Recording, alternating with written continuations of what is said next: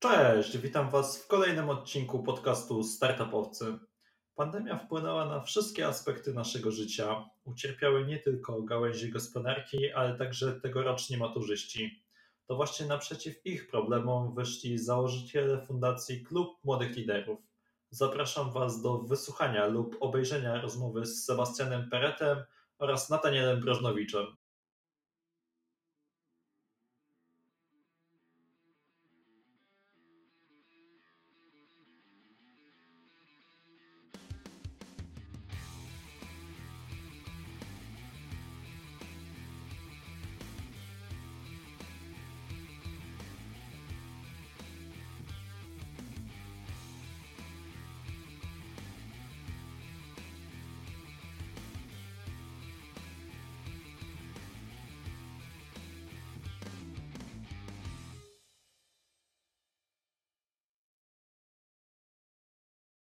Cześć, witam serdecznie. Witam wszystkich bardzo serdecznie. Sebastiana i Nataniela Brożnowicza. Sebastian Paret jest e, założycielem, prezesem Fundacji Klub Młodych Liderów. E, Nataniel jest natomiast członkiem zarządu Fundacji. Witam Was bardzo serdecznie. Dziękuję, że przyjście zaproszeni tutaj do mnie do podcastu, żeby opowiadać o swoich działaniach.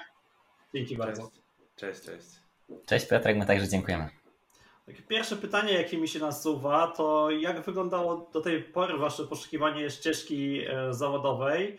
E, jak to wszystko się zaczęło i czy te początki, e, którymi się zajmowaliście i ta działalność społeczna, i czy od początku chcieliście się tym zajmować, czym się zajmujecie teraz, czy to trochę było inaczej? Jak to, jak to wyglądało z Waszej perspektywy? Sebastian. Ja może. A, dobra, Sebastian. U mnie to wyglądało tak, że to już było chwilę temu, nie? Bo teraz mam 25, wtedy miałem 16 mhm. lat. To zaczęło się od tego, że no, początek mojej kariery zawodowej to był jako kelner weselny, gdzieś w wieku 14 lat. Potem się to trochę zmieniało, zmieniało, zmieniało i tak poszedłem w końcu do liceum, w którym zrealizowałem swój pierwszy projekt społeczny pod nazwą Mam Haka na Raka.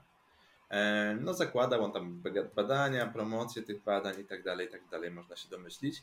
No i to był taki początek tej działalności związanej z organizacją czegokolwiek, bo nie tyle jakby pomaganie ludziom samo w sobie było, było atrakcyjne i fajne, co możliwość robienia bardzo wielu różnych rzeczy, uczenia się nowych rzeczy, a przede wszystkim robienia tego z ciekawymi ludźmi. I to było takim motorem napędowym do tego, żeby potem pójść dalej, dalej, dalej, dalej. I tak po sobie następowały kolejne projekty. Potem też tylko czekałem do tego, żeby mieć 18 lat i móc oficjalnie założyć organizację pozarządową. W tym przypadku była to fundacja. No i od tej pory praktycznie cały czas cyklicznie realizujemy dziesiątki projektów w skali roku. To się wszystko rozwija, nabiera tempa, idziemy w coraz szersze, coraz większe, coraz bardziej profesjonalne działania. No oprócz tego prowadzę też swoją firmę. Przez chwilę była to firma cateringowa pod wdzięczną nazwą Pan Kanapka. E, obecnie, obecnie jest to Peret Spółka ZO. Zajmujemy się głównie pozyskiwaniem dotacji dla organizacji pozarządowych. Pomagamy drobnym przedsiębiorcom, początkującym przedsiębiorcom spełniać marzenia o swoim biznesie. Pozyskujemy też dotacje dla nich. No i poza tym tworzymy strony internetowe, takie raczej małe, nieskomplikowane wizytówki, bo do ogromnych portali jeszcze umiejętnościami nam bardzo daleko. Natalia, ale jak u Ciebie to wyglądało? Jak to się zaczęło z Twojej perspektywy? Właśnie y, to jest ciekawe pytanie, bo dawno nie dostałem pytania odnośnie tej mojej historii, wiesz, jak to wszystko e, się potoczyło. Myślę, że początek to druga klasa gimnazjum. W sensie ja wtedy byłem ultra uzależniony od, od grania w Lola i to jest ciekawe, bo wtedy osiągnąłem trochę taki mega dołek w swoim życiu, nie? W sensie, jeśli miałbym wskazać jakiś najgorszy okres w swoim życiu, to właśnie miałby, miałby być to e, ten moment. I niedługo później stwierdziłem trochę, że nie o to w życiu chodzi. Zacząłem e, wyszukiwać co tak naprawdę mnie interesuje i, i, i czym mogę się zająć. Gdzieś tam byłem w takim trybie, że e, tutaj lokalnie dołączałem do różnych grup wolontariackich, do jakichś grup apostolskich itd., tak itd. Tak e, I właśnie wpadłem do e, klubu młodych liderów w tamtym też momencie. Miałem wtedy 16 lat trochę nie wiedząc zupełnie czego oczekuję i po prostu będąc tam i doświadczając tego, co się dzieje, jakby zupełnie będąc nieświadomą osobą. I niedługo później za pomocą poznanych tam ambitnych ludzi, niedługo później za pomocą szkoleń, które odbyły projektów, które zaczęliśmy realizować, ja z każdym dniem zaczynałem czuć, że coraz bardziej mnie to jara i że to jest rzeczywiście kierunek, w którym chcę iść. E, no i jakby teraz mam już 20 lat, jestem na drugim roku studiów i od tego, tamtego e, czasu minęło naprawdę sporo czasu i czuję, że to jest dla mnie naprawdę kosmos, jeśli chodzi o rozwój, jeśli chodzi o odnajdywanie swoich pasji. Teraz jakby czuję, że w wieku 20 lat świat stoi w pewien sposób przede mną utworem i naprawdę znalazłem rzecz, która jara mnie w 100%. Mhm, super, super.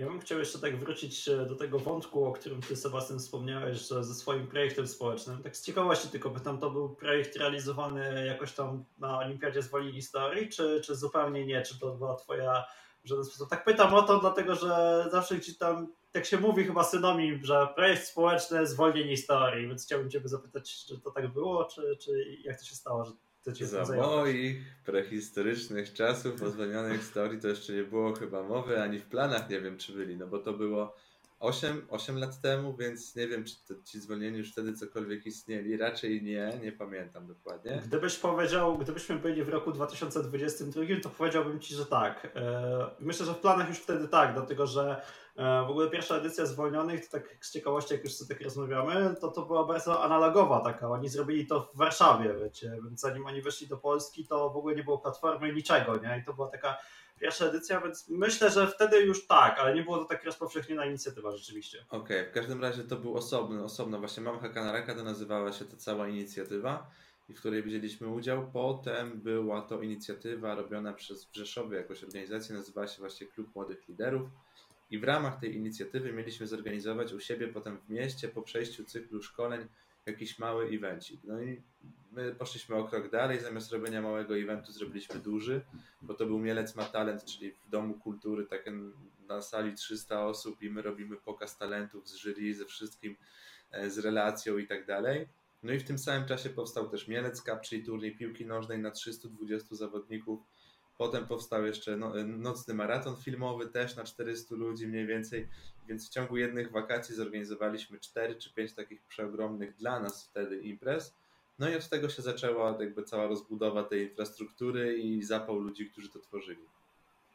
Mhm. No właśnie, jak już jesteśmy właśnie przy klubie młodych e, liderów, e, to prowadzicie, no w sumie ty Sebastian jesteś tak prezesem i tak dalej, ale mimo wszystko Nataniel jest e, w zarządzie i w sumie współprowadzicie tą fundację Klub Młodych Liderów, oczywiście jest jeszcze więcej kolejnych osób.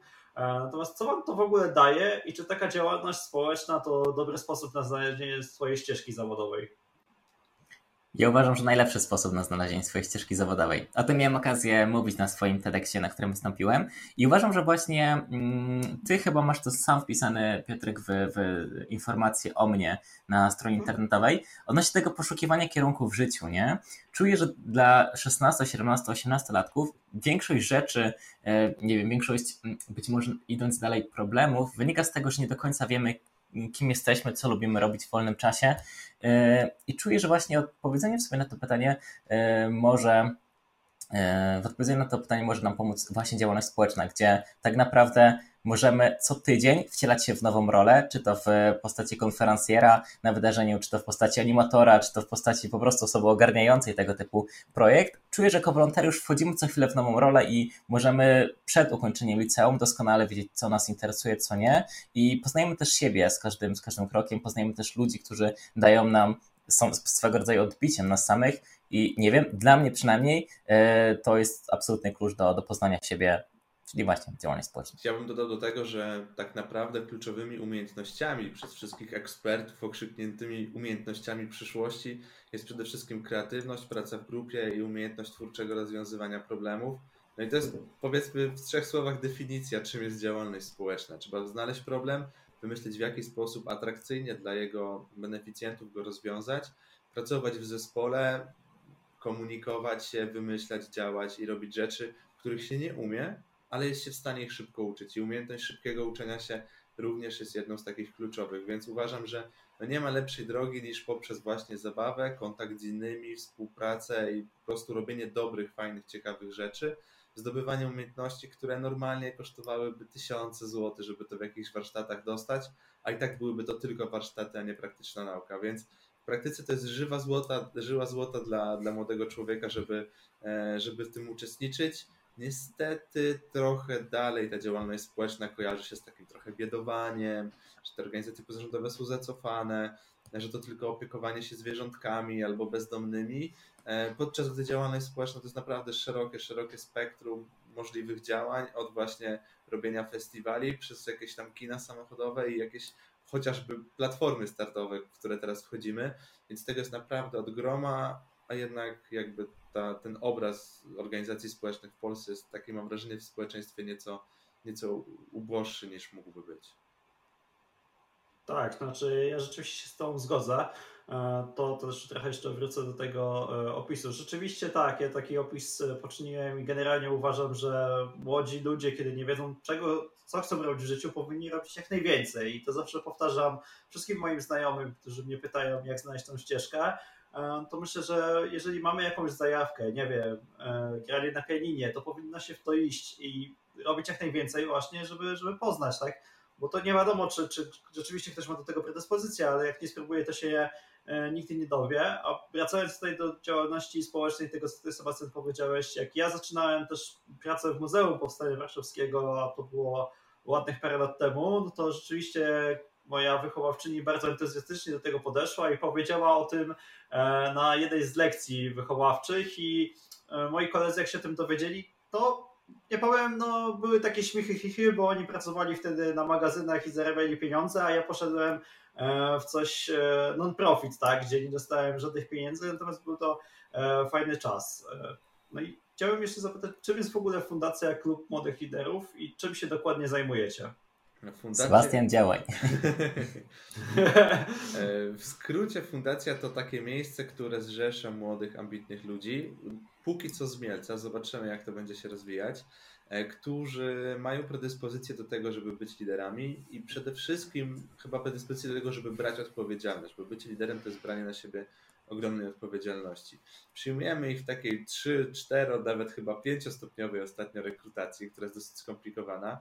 Miejsc mamy niewiele i zależy nam, żeby te osoby naprawdę były osobami, które mają ogromny potencjał. Nie tyle umiejętności, wiedzę, bo wiadomo, że na tym etapie jest to ciężko, ale chodzi o to, żeby to była rzeczywista chęć zdobycia tych umiejętności i chęć działania.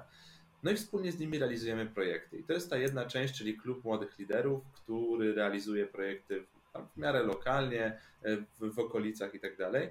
Druga część fundacji to jest taki zarząd, który mm, realizuje projekty ogólnopolskie. Oczywiście wspieramy się wolontariuszami, jednak trzonem tych projektów, realizatorem tych projektów, odpowiedzialny za te projekty bierzemy właśnie w tym pięcioosobowym zarządzie i to są projekty typu maturalnie, typu kino samochodowe, e, typu festiwale jakieś ogólnopolskie i tego typu inicjatywy.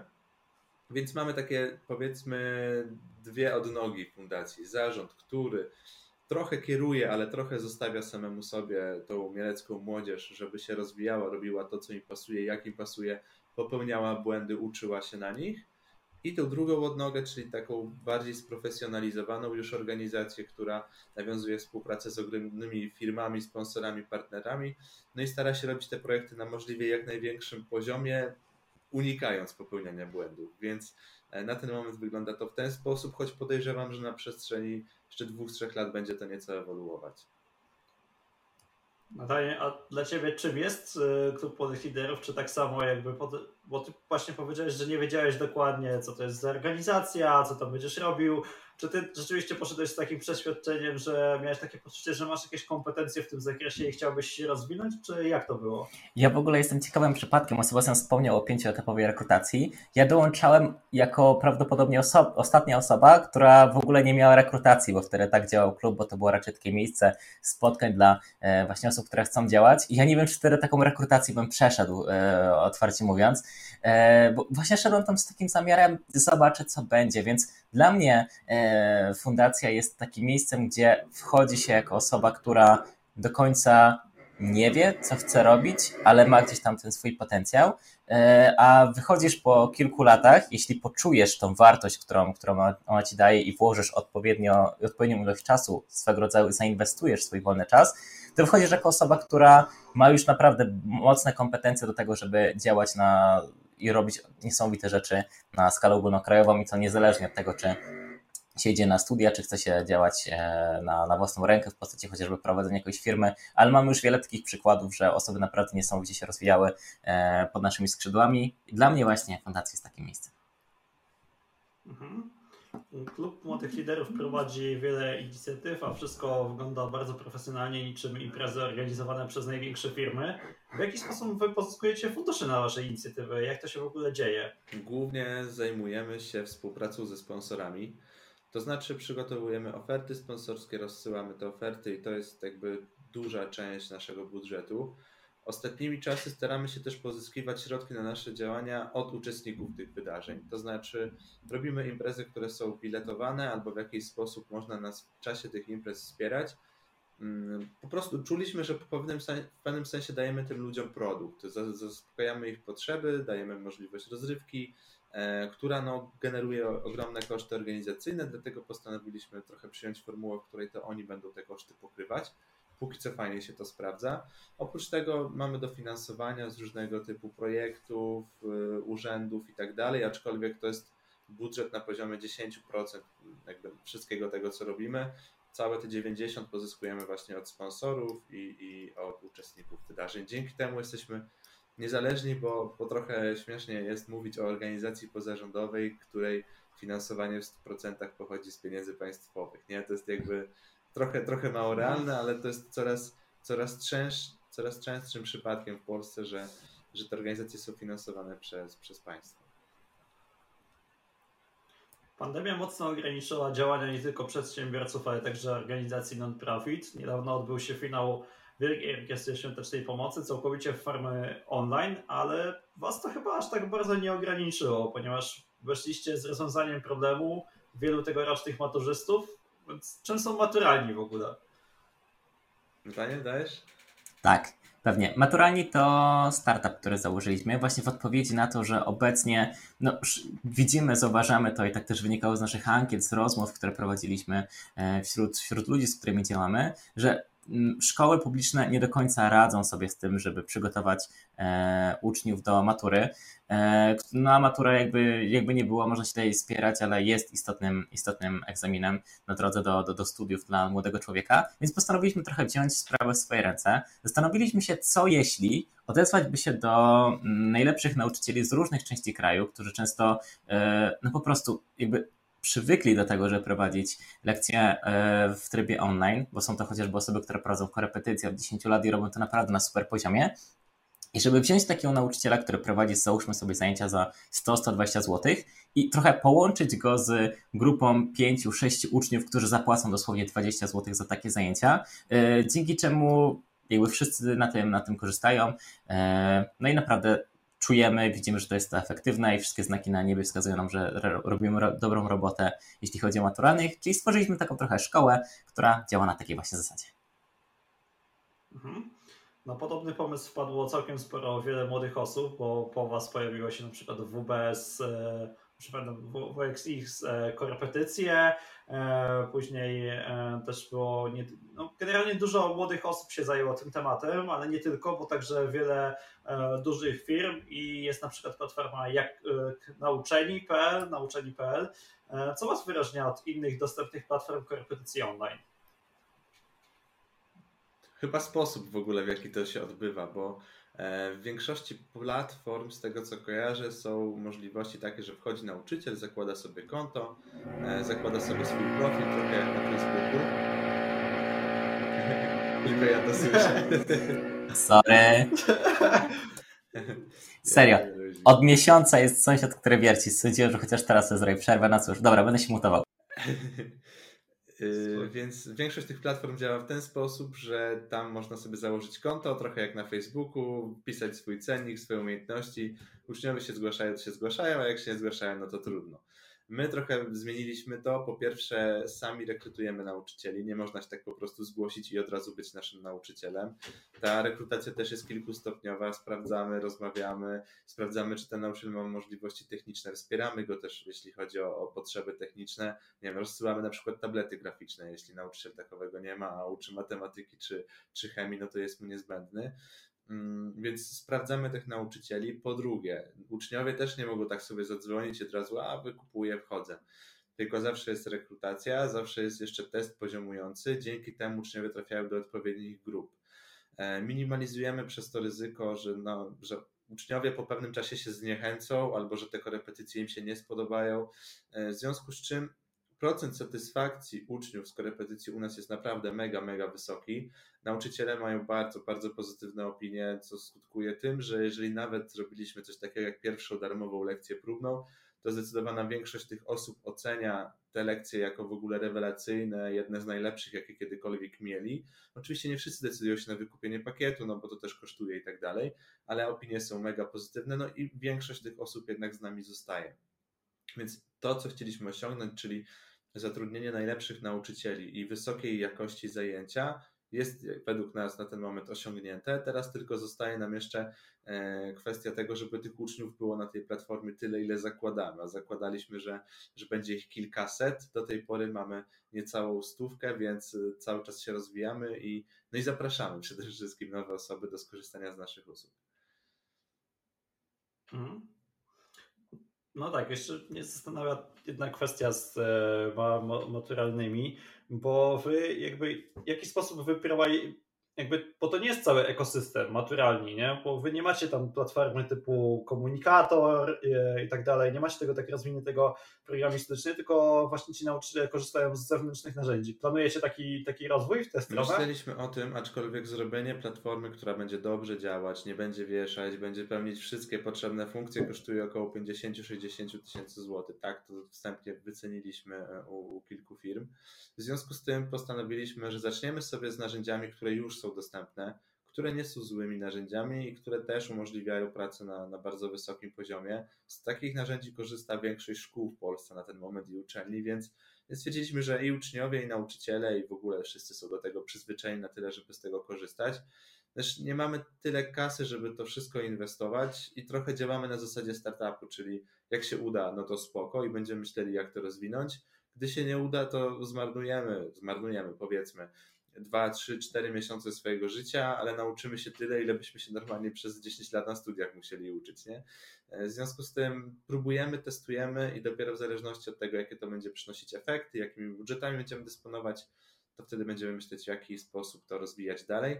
Też nie, nie odczuwamy i nie, nie dostajemy sygnałów zwrotnych, że ta platforma nie jest ok, że sprawia problemy, że coś rozłącza, że nie działa.